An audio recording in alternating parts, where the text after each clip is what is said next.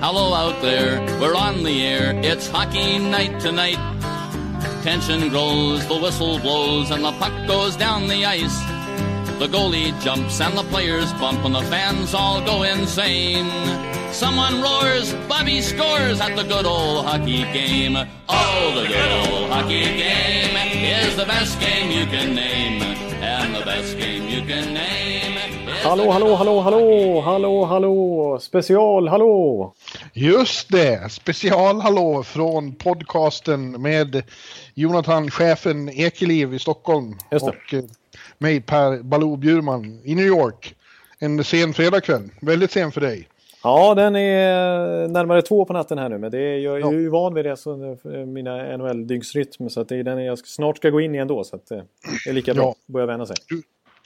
Vi har ju bestämt oss, vi, vi håller ju egentligen på med vår nedräkning här i podcasten. En gång i veckan spelar vi in och går igenom division för division. Men nu har det blivit så att det, det har ju varit tidernas pre-season rush och hänt saker eh, så det är alldeles eh, halsbrytande. Eh, senaste dygnet framförallt har det varit helt otroligt mycket action, inte minst med svenska förtecken. Nej, onekligen. Alltså två enorma eh, ja, mängder av stora nyheter egentligen. Men eh, snacka om svensk fokus borta i NHL nu. Det har varit eh, rejäla bomber ändå. Ja, ja överhuvudtaget är det så. Det har aldrig hänt så här mycket liksom, dagarna, innan, eh, dagarna innan träningskamperna ska börja. Eh, eh, såna, såna liksom bomber som slår ner hela tiden. Och vi har ju då velat prata om det här lite extra i podcasten men har, vi har inte riktigt haft tid för eh, du, är som, du har som sagt varit chef på sportredaktionen och har intensiva skift och jag har ju fått jobba med det här på andra sätt. Jag har skrivit krönikor och intervjuer och, och fan och hans moster och varit tv och allt vad det har varit.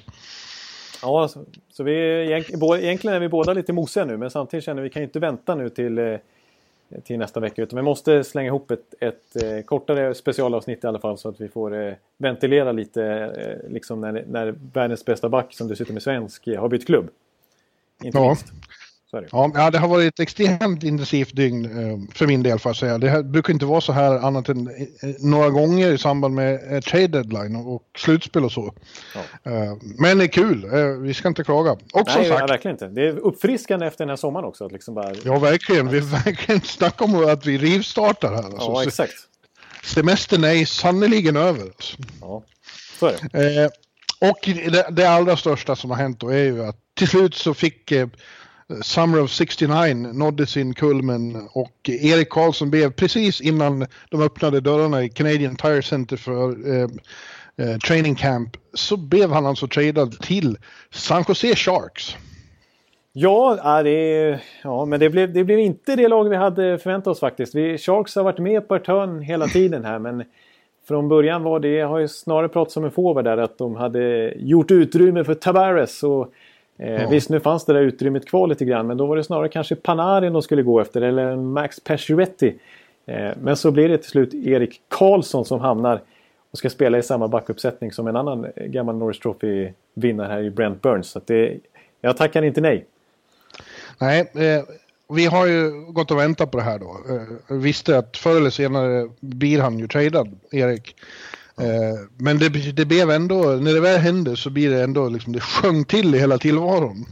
Ja. Jag satt och väntade och till slut såg jag när det började, började komma på Twitter att nu är det nära och sen kommer det, det it's a done deal. Ja, Man, man, blir, man blir lite skakad nästan. Ja, men det är så jävla stort. precis. För att nu har vi sett att det har varit nära flera gånger. Det var jättenära redan vid trade deadline där i februari-mars. Och sen så var det nära precis där vi, vi eh, i början av juli när det först var oj, oj, Dallas gör big push nu liksom. Sen var det Tampa. Det är i princip klart. De är överens om detaljerna. Det, det är bara liksom... Ja. Eller det, det är bara detaljerna som ska komma överens. De var liksom överens i, i, i sak så att säga. Men, så att, att när det börjar komma så här att visst San Jose gör en huge push nu. Då, då, jag gick inte igång extremt mycket faktiskt. Men för jag tänkte det blir väl ingenting den här gången heller. Men så bara kom det upp då. Done deal. Boom. Ja, Och så ja. nu är vi här. Nu har vi en klubb klar med bara några veckor kvar till säsongen. Och precis innan campen. Och som du säger så var det väl kanske eh, av de här fyra lagen det till slut handlade om. Pratades om eh, in i det sista då. Eh, Tampa, Dallas, Vegas och San Jose så var San Jose eh, det man trodde var minst troligt, som Ja, du sa. Och ja. eh, det bidrog väl också till att man vart eh, studsade till ännu mer. Ja, Men om vi börjar i den ändan av den här traden då, att, det, att han kommer till eh, San Jose. Eh, det gör ju, Erik är en sån unik talang, han är som du säger världens bästa back och när han är i form så, så, så, så dominerar han ju alla matcher han spelar. ja så är det. Eh, Så är det verkligen, som i slutspelet 2017. Alltså, det, den, det är bland det mest dominanta man har sett någon i ett slutspel. Ja, då tog ju superlativen slut. För när det, Ja. när, när det till och med börjar snackas om så här bibliska termer att eh, Karlsson på den sjunde dagen och sånt där. Liksom. Sådana där grejer. Det, det, det var inget som riktigt kunde förklara längre hur mycket han bidrog. För det var ju alltså till 95 procent nästan hans cuprun det där. Ja, ja och då så var ju faktiskt inte Ottawa i övrigt så märkvärdigt. Men nu kommer han till ett, eh, ett lag som ju är bra, riktigt bra. Och eh, jag, jag hävdar direkt att i ett slag så är San Jose en av Stanley Cup-favoriterna. Det är inte bara hype att säga så, det är ju så. Ja, men det är svårt att snacka bort när man kan ställa ut Erik Karlsson 30 minuter i ett backpar och kanske Brent Burns 30 minuter i ett annat om man tänker så. Det är ju lite överdrivet, men typ. Ja, eller spelar de ihop? Ja, vem vet hur de ska få mer egentligen, men de har ju inte någon jättedålig tredje back där heller i Marko Edvard Vlasic som kanske kan ha kontroll lite grann på de här offensiva kanonerna också. Ja, men som du vet så kan man använda Burns som forward också. Ja, precis. Det är ju det. Det var ju så han draftades en gång i tiden. Som forward. ja. Eh, Och eh, tänk dig powerplay-uppställning. Ja, det är lite intressant hur de ska spela där. För att, alltså generellt sett så har ju NHL-klubbarna gått ifrån att man har två backar på point. Ja. Eh, Så att någon av dem kommer väl förmodligen flytta ner. För jag tror man fortsätter att spela point. Eller med, alltså med bara en point och så, så två på kanterna. Igen, det går ju... eh, Burns säger ju något mellanting mellan back och forward. Så, Ja, men jag, jag känner också, och de har faktiskt en liten öppning där. De har ju redan, liksom, kommer ihåg att vi pratade om San Joses powerplay som ett massförstörelsevapen när de gick till, Ja. till final? Eh, Ja. Och de har ju fortfarande kvar, liksom, det är Couture och det är Pavelski och det är, nu har de dessutom adderat Evander Kane också. Och det är Thornton som visserligen, eh, vi får se vilken form han håller nu, men ja men herregud, bara han kommer in och står och matar sina passningar med en Erik Ja. Karlsson på isen. Det är, ju löjligt. Och jag tror det finns en öppning där också om man spelar en point och sen för både Karlsson och Burns är rightare som många har konstaterat nu att det dels kanske blir svårt att sätta dem i samma backpar av den anledningen och även platserna i powerplay. Men Pavelski är ju den enda rightaren av de här riktiga storstjärnorna eh, i, i, av forwards i eh, San Jose. Och hans favoritposition är ju inte där ute i högra te, vänstra teckningscirkeln som en rightare brukar stå. Utan det är framför mål. Han är ju specialist på att eh, antingen Ja. befinna sig i höga slottet eller styra och ha sig precis vid kassen. Så att det Jag, finns... jag, jag kan tycka att det där blir lite överdrivet ibland, att man är så låst vid om de är eh, rightare eller inte. Fakt, Eh, faktum är att det- alltså Logan Couture har ju, har, och även Thornton ibland har ju varit jättebra på sin off-wing som man säger. Alltså när man har stått på and- fel sida. Och ändå Ja. levererat massor med passningar. Det är inte klockrent för direktskott men det går ju att spela på det viset också naturligtvis. Ja. Så jag tycker inte du ska låsa dig vid det. Ja, jag ska inte låsa mig med den. Nej, okej. Så, och vi behöver inte gå in så otroligt noga på hur de ska spela. Vi, vi konstaterar att San Jose får ett fruktansvärt lyft. Och Erik Karlsson får ett lyft för att eh, San Jose, vi ska prata lite mer om Ottawa här. Det, det handlar om nu ett lag som är i ruiner och kommer Ja. till det här fina bygget. Han kommer också till en klubb som har, de är ju eh, kända för sin otroligt starka sammanhållning. Ett riktigt kompisgäng i San Jose. Eh, Ja. Och det är en underbar bygd där i Silicon Valley, Bay Area. Fantastiskt fint och Onekligen. frukt, Ja. fruktansvärt mycket bättre klimat än i Ottawa. Ja. och eh, slutligen, så någonting som jag tror kommer att betyda jävligt mycket för Erik är att, att eh, eh, han kommer att bli lämnad i fred där. Alltså, visst, de är stora, de är firade och omtyckta i San Jose, hockeyspelarna.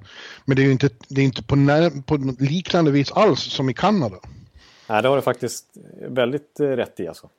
När man är en Erik Karlsson-figur i en stad som Ottawa, då är man ju gud där. Alltså, eh, jag, har inte, jag har inte varit ut så mycket med, med Erik i Ottawa, men jag har ju varit på liksom tur med Daniel Alfredsson. Ja. Och gjort, eh, vi har varit ute och ätit lunch och middag och sånt och gjort intervjuer.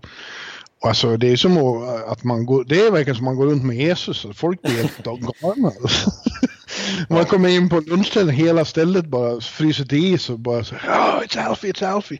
Ja. Eh, han berättade ju sen de här åren han spelade i Detroit och då är ändå Detroit en stor hockeymarknad. Ja. Att eh, det var en enorm skillnad. Han kunde åka och handla utan att någon kände igen en. Han blev inte stoppad på gatan hela tiden och så.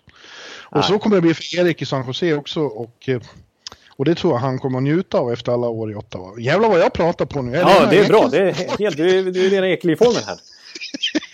Du får bensin i vädret känner jag. Nej, exakt. Men det är bra att du utsätts lite för det också. Det kan jag behöva. Lite uppfostran eller på att säga. Ja, precis. Jo, men och det där kommer säkert att vara lite konstigt i början, men sen framförallt skönt för han och, och hans fru. Ja. Och kunna ta sig till San Francisco där han inte heller liksom, några svenska turister känner igen honom. Men annars kan han nog glida runt där med sitt flow utan större problem. Ja, verkligen. Faktiskt. Och eh, ja, jag tror han kommer att bli otroligt god vän. Han har inte skrivit på, det var ju mycket snack om att eh, ja, han skulle bli, någon skulle gå in och trada för honom enbart om han lovade att skriva på ett nytt kontrakt. Men så blir det ju inte, han vill ju känna sig för. Ja. Uh, att de verkligen Men jag tror att han kommer att trivas fantastiskt bra där och han kommer att bli så jävla kompis med Big Joe Thornton. De, är ja. så, de, de kommer att passa så fruktansvärt bra ihop och ha så jävla roligt ihop så att det, det kommer att vara braksuccé på det viset. Ja, för Thornton, hans spontana reaktion i ett sms till Pierre Lebrun, det var ju fucking incredible alltså.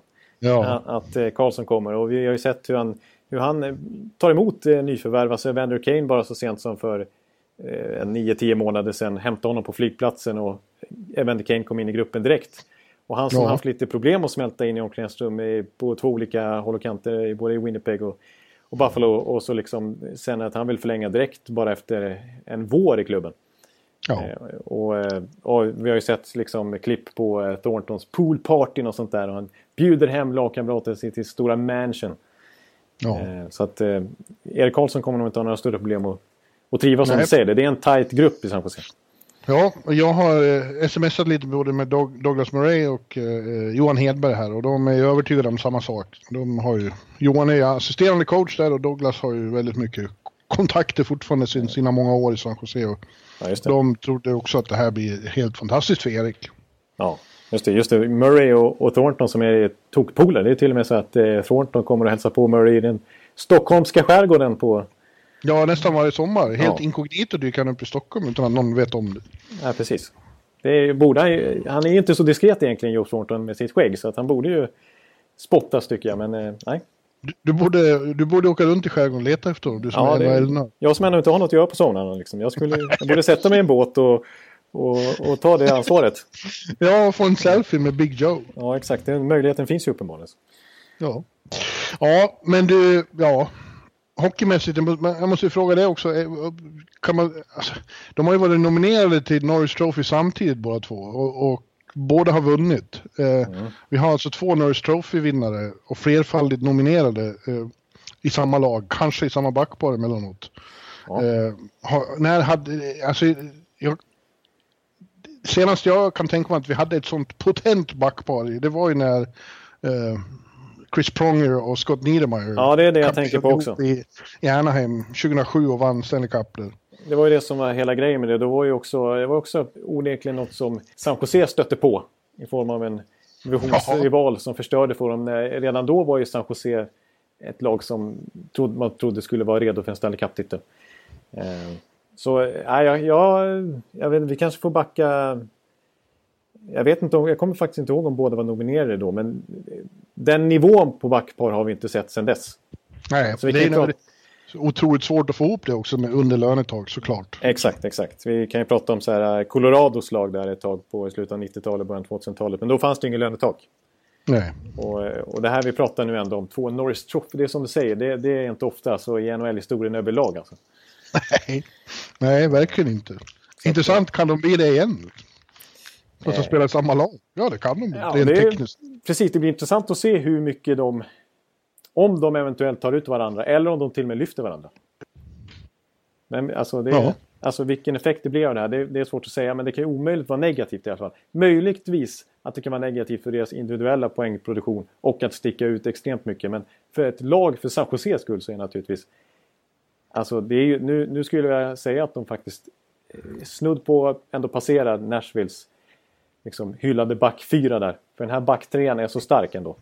Ja, Och, ja, lägg där till en Justin Braun till exempel som jag också tycker är liksom en topp 4 back i NHL. Så den, den fyran de har i, i, San Jose nu är nog den bästa faktiskt. Ja. ja, och det är svettigt för de andra lagen där i Pacific som är ett riktigt getingbo. Eh, Men jag, jag jag såg att eh, GM i Edmonton, vad heter han, Cirelli, Ja, sa på någon presskonferens i samband med att deras camp öppnade att han, jag ska inte ljuga sa han, jag, det, kom, det kom fula ord ur min mun när jag såg att han hamnade i vår division. ja, ja. Så, Ja. så, så blir det, nog svalde de hårt i Los Angeles och Anaheim och Arizona och Edmonton och Calgary. Ja, nej men det är, det är såklart. Vi, visst, vi, vi har liksom lite i, Vi har ju mässat varandra lite grann och, och tippat hit och dit hur den här Pacific ska sluta. Och vi har ändå haft San Jose som faktiskt som kanske topplag redan innan den här traden. Men nu känns det Ja. som att nu är de ju onekligen the team to beat. Om inte bara i, i liksom, åtminstone i sin division. Och kanske till och med mer än så. Det kanske är så att de till och med är på Nashville och, och Winnipeg-nivå nu. Eh, Vi får döpa om Pacific till Carlson eh, Division för de har William i Vegas och Erik i Ja, San Jose. Och så Melker också. ja, det är riktig Karlsson. det Tokig Karlsson-division det där nu alltså. Alla Karlsson är där. Ja. De samlas eh, enade där borta på, i väst helt enkelt. Men du, om vi tittar på, på det andra laget så in, inblandade i den här traden då, eh, så är det ju, vi, vi har vi har mosat till eh, Ottawa rätt mycket redan innan det här hände och nu, vad ska man säga alltså? Det, i, ur deras perspektiv så var det ju ingen bra trade. Det finns, det, jag hör folk prata om att det kan vara en av de sämsta traderna i historien om man ser till vad Erik är värd och vad de fick i utbyte. Ja, nej, det var ju inte, det var ju inte lyckat det här för, för Ottawa det här heller. Alltså. De ska hålla sig borta från att trada med Dog Wilson. Han eh, gjorde ju bort sig där redan i, i början av sommaren med Hoffman-dealen där. När San Jose gärna ville bli av med Bötkers kontrakt för att skapa utrymme till en stjärna. Då, kanske i första hand Tavares eller som det visade sig bli Karlsson. Eh, han hade ju nästan negativt värde men han fick ju ett massa draftval för honom. Alltså, han, han fick ju ett väldigt positivt värde, Dog Wilson, ur Mikkel Böttger. Och som Dorion och Ottawa-gänget tog emot det. Men, och, men det här igen alltså. Visst, Josh Norris är väl en spännande talang och en första runda forward vald. Men och han heter ju visserligen Norris och de kanske tror att han är någon slags Norris Trophy-back. Men det är han ju inte. Nej. Eh, det, är, det är inte mycket det utbytet som, som känns kompatibelt med att det faktum att eh, det är mot en världens kanske bästa back då. Alltså, Nej, och med tanke på hur de har krånglat. de- Alltså, kring trade deadline när folk, när andra lag verkligen jagar. De måste ju ha haft möjlighet att få mer än det här.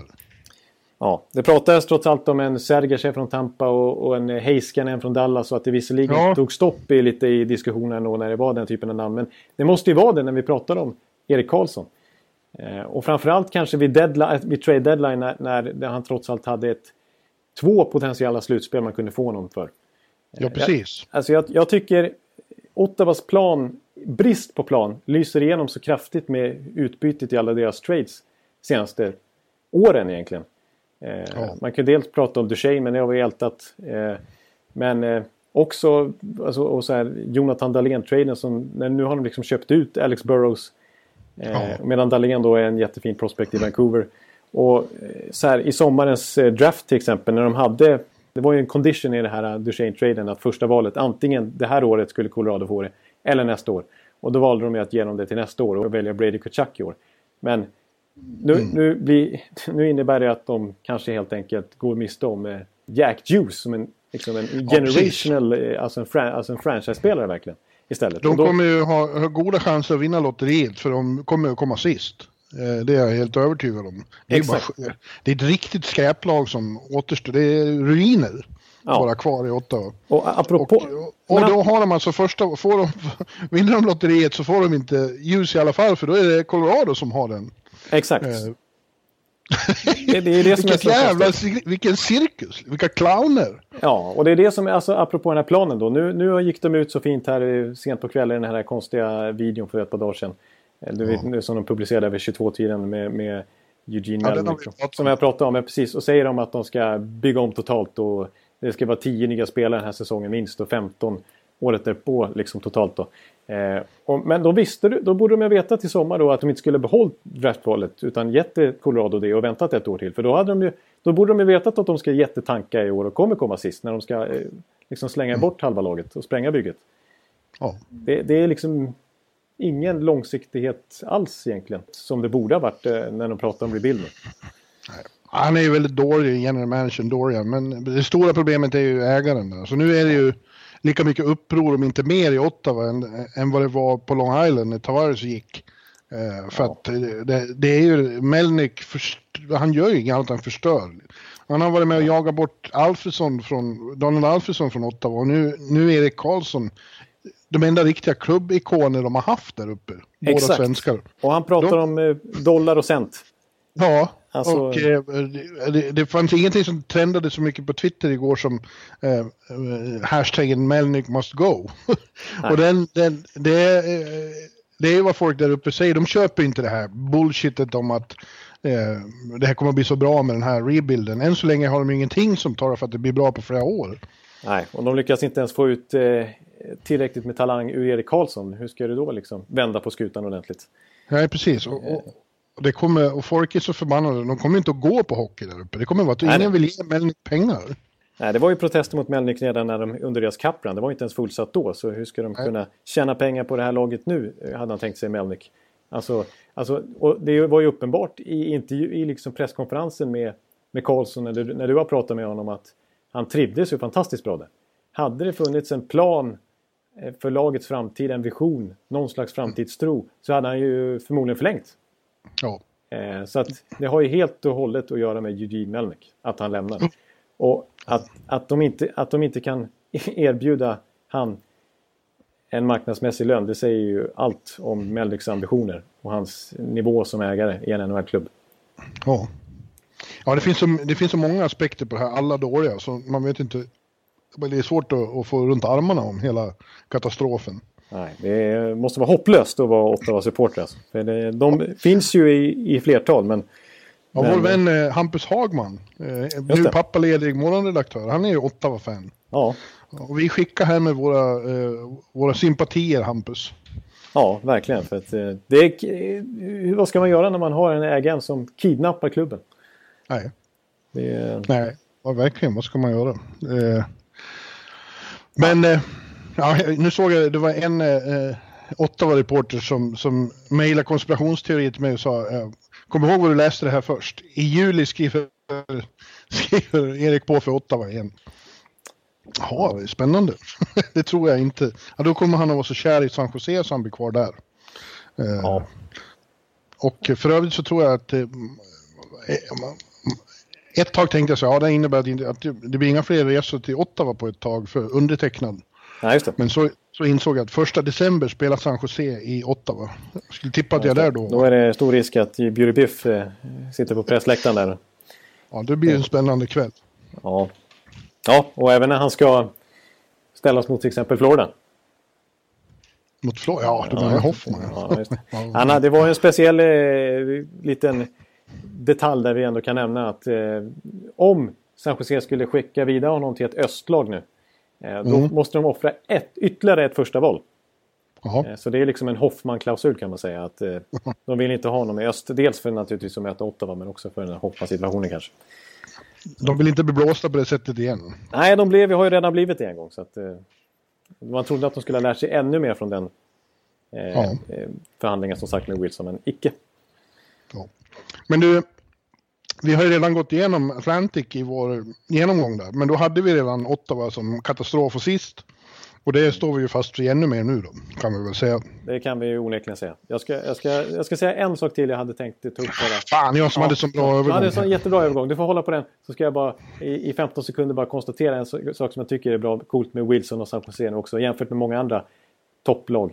Alltså hur Wilson har byggt laget. Att visst, många är egendraftade spelare. Det är Pavelski och Vlasic och, och sådär. Men ovanligt många som han har tradat till sig. Alltså Burns tradade till sig från Minnesota. Thornton tradade till sig från Boston. Karlsson nu från Ottawa. Martin mm. Jones, målvakten eh, från LA via Boston var det väl. Alltså snacka om, alltså, han har byggt upp en kärna av spelare på trades. Det, är, det, är ja. nästan, det finns nog inget annat lag som har gjort det. Det måste man fjädra. Cool fact a crocodile can't stick out its tongue. Also, you can get health insurance for a month or just under a year in some states. United Healthcare short term insurance plans, underwritten by Golden Rule Insurance Company, offer flexible, budget friendly coverage for you. Learn more at uh1.com. Hatten. Ja. Jo, jag sa det att vi, vi, vi står fast vid att Ottawa kommer sist i Atlantic. Och eh, likaledes övertygade är vi nu, eller stärkta i övertygelsen om att Detroit Red Wings kommer näst sist i samma division. För den andra stora nyheten senaste dygnet är ju då, den andra stora nyheten med svenska förtecken, är ju mm. att eh, Henrik Zetterberg lämnar besked om att eh, det blir inget mer, det, det är kört. Redan för en månad sedan berättade han ju om att han inte har kunnat träna på hela sommaren, skulle missa inledningen av säsongen, men nu har läkare och så eh, undersökt och kommit fram till att det blir inget bättre så eh, Henrik Zetterbergs eh, karriär är tyvärr över efter 15 säsonger. Ja. Eh, 1082 matcher och eh, Stanley Cups, och Conn Smites och VM och OS. Exakt. Det är inget snack om att det är en av de största svenska hockeykarriärerna genom tiderna som tar slut. Nej, precis. En av rätt få som är medlem då i Triple Gold Club till exempel. Som han har vunnit ja. Eh, allt det där. Liksom. Eh, ja, nej, det är ju, så är det ju. Han är ju... Och en av endast två svenskar som har Conn Smythe. Det är ju bara han och Lidas som har vunnit detta. Det kanske är finast av alla priser tycker jag. Och tänk, märk väl då att det var ett, eh, han spelade ett lag med Datsjuk och Lidström till exempel. Och i den finalen mötte han en Sidney Crosby som han punktmarkerade bort.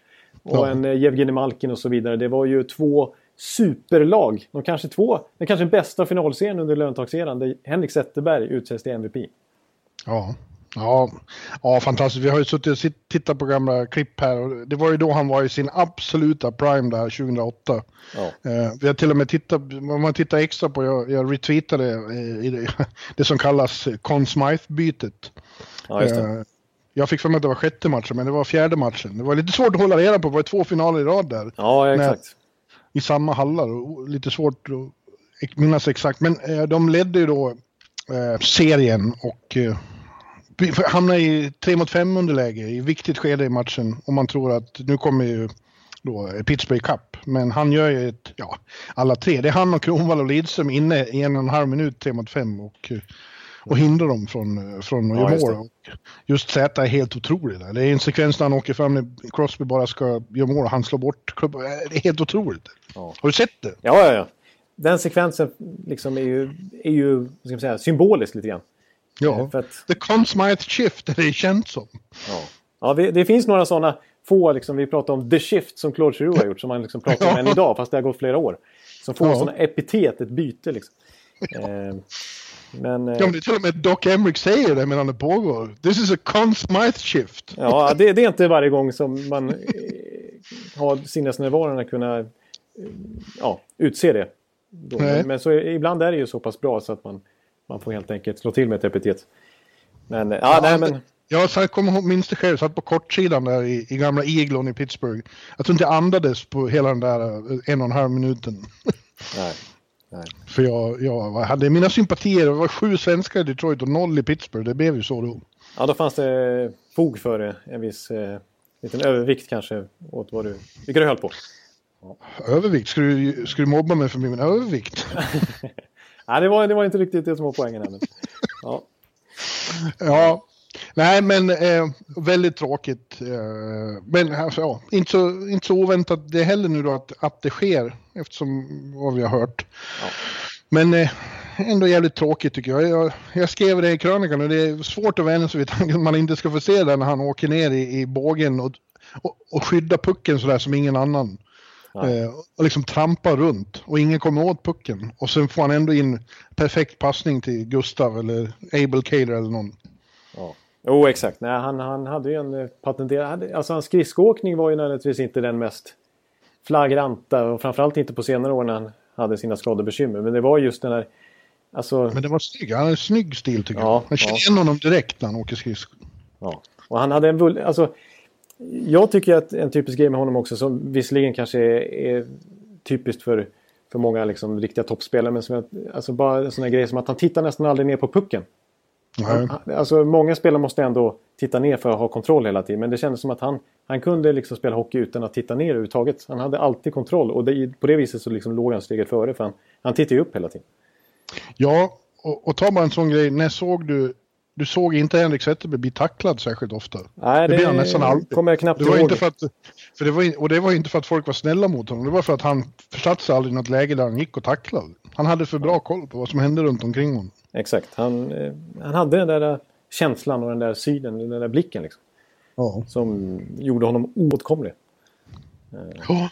Nej, vad, vad, skulle du placera han då i ett eh, historiskt perspektiv om vi pratar svenskar? Vilka, vilka ja, är före honom? Det där tog du inte ur hatten utan det där har Nej. vi på sms med. Ja, vi har, precis. Men det är intressant.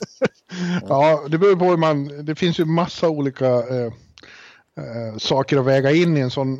Jag brukar ju säga att topp tre är ganska givet vad gäller svenskar. Eh, Mm. Men en ständig debatt om i vilken ordning de ska vara. Men för mig, om man tänker sig störst i NHL, mm. så har vi, eh, för mig är det Lidström 1, Peter Forsberg 2, Sundin 3. Eh. Och då väger man in att Lidström vann fyra Stanley Cup och sju Norris Trophy och, och var världens bästa back. Mm. Kanske var så att Foppa, när Foppa var som allra bäst så var han kanske den bästa svenska hockeyspelare rent kvalitativt som vi har haft. Ja, det, jag köper den motiveringen båda två här. Mm. Ja, och, och, och, Mats var ju också... Det var enorma med honom var ju att han var så fruktansvärt dominant fast han spelade i ett lag som var så jävla dåligt så många, så många gånger. Han var den ensamma riddaren i Toronto. Ja, exakt. Och just hans stjärnstatus blir ju inte mindre av att han var kapten under extremt många år i just Toronto. Mm. Nej, men sen om vi fortsätter så skulle jag säga, eh, vad sa jag nu då? Jag har ju hållit på sms med det. Jag satte mm. Erik Karlsson fyra, Fenrik Zetterberg femma. Mm. Vad hade vi sen? Daniel Alfredsson, Henke Lundqvist, Kenta Nilsson, Håkan Loob nämndes, Viktor Hedman, bröderna Sedin. Uh, det finns någon som slåss om, om, Det är väldigt svårt att avgöra där. Ja, exakt. Det är så svårt att jämföra eror. Uh, ja. Men framförallt då som pionjär mer än som kanske världens största back. Liksom. Nej, precis. Och det är som sagt det är svårt att jämföra eror hit och dit. Alltså, Loobs 50 mål, hur högt man ska värdera dem i, idag. Alltså hur högt ska han, ska han, vilka ska han passera på listan då? Eh, och så här Viktor Hedman som har vunnit Norris Trophy ja, också. Precis. precis. Ja, det är svårt. Det är, men det, så, så utsätt mig inte för det då. Det kom du dragande med den. Ja, men han är i alla fall, eh, han är ju, han är snuddar vid topp 5 i alla fall. Ja. Mm. Och för Detroit är det ju då katastrof. Det, det, ja, nu har de ju väl vetat om det här ett tag då, men Eh, och just det här kan, ju inte, kan man kanske inte skylla Ken Holland för då. Nej, det är svårt han, att ge honom kritik för Att han inte har någon B-plan för det. Men det finns ju ingen plan för, ingen möjlighet att ersätta det de förlorar. I, både hockeymässigt och, och ledarskapsmässigt. Kanske ännu mer det. Liksom, vilken gestalt han har varit i, i omklädningsrummet och på isen. Och, liksom, har man träffat Zäta så vet man ju vilken liksom pondus han har utan åthävor. Liksom. Och hur enorm respekt han har med sig hos alla. Liksom. Eh, det har man sett i Detroit. Man såg när han kom till, till Ryssland som kapten för OS-landslaget där, där han ju tyvärr var tvungen att åka hem sen då. Men ja. vilken enorm respekt alla andra hade för honom. Ja. Fast han är så liksom vänlig och försynt nästan. Han är ju ingen, ingen som skriker och står i. Nej, verkligen inte. Han är, han, ja, precis, han är ju så här, privat. Man ser honom. Vi har inte träffat honom så många gånger. Men när jag har liksom stött på honom så där så känns han ju väldigt jordnära. Ja, extremt. Och, och, ja, verkligen. Men det är det som man brukar säga, alltså att han, han pratar med, med små bokstäver. Men liksom folk lyssnar med stora öron. Alltså, alltså ja. han, han, kan gå in i ett rum och viska nästan och folk kommer ändå anstränga sig för att lyssna. Ja, ja och eh, Ja, vi sa ju det att även om han skulle ha varit med då, alltså bästa spelare kanske, så hade det blivit svårt för, för Detroit för att laget i övrigt ser väldigt blekt ut. Och utan honom så finns det inte, ingen kan ju ens låtsas hoppas att, att det ska bli slutspel. Nej, nej, precis. Det ser för, alldeles för klent ut. Men det är väl det som är det positiva som vissa försöker eh, koppla till. Och visst, det kan man ju se det som på sikt att, att eh, nu är de ju ännu sämre. Och det kanske är bra för Detroit i deras eh, rebuild helt enkelt. Att eh, försöka slåss med Ottawa ja, om den där sista platsen höll jag på att säga. Men, eh, det, ja, då är det upp till eh, Dylan Larkin som första center här att eh, ta den platsen. Och för, jag menar, nu är ju Anthony Manta i första kedjan och Eh, nu kommer Filip Sadina med all sannolikhet, även om kampen inte har börjat på allvar här än, att, att ta en plats i laget direkt. Och Michael Rasmussen till och med får en plats. Så att, nu är det ett ganska nytt Detroit bara om vi jämför med två, tre år sedan. Nu är det mycket nytt. En, eh, Tyler Bertuzzi och sådär. Det är, det, är ett, det är ett rebuild-lag nu, på riktigt. Ja, verkligen. Så att, eh, ja. Han kommer att bli saknad i Detroit och han kommer att bli saknad av mig också. Jag skrev lite om det idag personligen också. Så ja. är det ju så att Zäta ända från början under de här 13 åren han har hållit på med det här så har han varit en av de allra bästa, vänligaste, den som har ställt upp mest och liksom hjälpt till att få in mig i den här världen och uh, fått mig på den här banan. Att jag ja. håller på med det här. Jag står i tacksamhetsskuld till Henrik Zetterberg och uh, tycker det ska bli jävligt tråkigt att uh, inte ringa honom sena kvällar och, och få honom att försöka säga något positivt om sin egen insats. Det har inte varit lättast. Nej, det kan jag tänka mig. Det. Då har han hyllat någon eh, ja. eh, Lille Skutt eller något sånt där. ja, ja, ja, precis. Men jag tröstar mig med det då. Han lovar ju det att vi ska han ska vara kvar i Detroit eh, året, den här säsongen i alla fall. Eh, och att vi ska, vi ska scouta Hästbol och Gustav Nyqvist ihop i en blogg någon gång från pressläktaren i Little Caesar. Ja, det, det ser, ser, jag fram emot. Det ser jag också fram emot redan nu. Alltså. nästan... Ja, precis. Det vill man faktiskt se. Ja. Jag har ju ofta poängterat ett snussamarbete till exempel, men det, ja, det är bara en ja. detalj. Bara en underbar detalj, ja. Ja, ja men du, eh, som sagt, du och jag är mosiga. Det har hänt eh, mer saker. Oliver Ekman Larsson utsedd till lagkapten i, i eh, Arizona. Ja. Eh, Tyler Swegwin fick sitt nya fina jättekontrakt med Dallas och eh, Robin Lehner här eh, gjorde stort, stort intryck på världen med, ett, med en text han skrev till The Athletic ja. bara häromdagen om, om eh, sitt mångåriga missbruk och depressioner och psykisk ohälsa. Det var väldigt skakande och fantastiskt modigt och, och, och starkt av honom att gå ut med den texten. Ja. Eh, och det skulle vi kunna prata mycket mer om, men eh, vi skulle bara göra det här helt kort nu. Vi är mitt i natten och vi är mosiga och eh, jag tror ja. att vi sätter punkt här och så återkommer vi på tisdag igen med, fortsätter med vår vanliga genomgång och kollar då framförallt på, ja det är Central Division. Ja det är dags för Central så att då kommer ja. vi bland annat in på Segin då. Ja, och precis. kontraktet. Så att, eh, Ja, det blev allt, i alla fall något. En, en 40 minuters eh, Karlsson Z-podd här. Ja, men det var väl trevligt. Det tycker jag. Och, ja. eh, och eh, nu ska vi pusta ut. Nu ska jag faktiskt försöka sova en del. Alltså. Efter ja, de här dagarna. Ja. Ja. Så, eh, ja, men sov då så gott eh, Jonte, så hörs vi snart. Absolut, och tack alla lyssnare. Vi, vi på, på återhörande inom kort. Hej, hej! Hej! Karlsson, Karlsson, världens bästa Karlsson. Karlsson, Karlsson, hoj här kommer Karlsson. Karlsson, Karlsson, ingen faktiskt ingen annan Karlsson gillar jag så bra som mig. Karlsson, Karlsson, världens bästa Karlsson. Vackra, snälla, lagom tjocka Karlsson. Genomkloka, underbara Karlsson. Undra på att alla, alla gillar mig.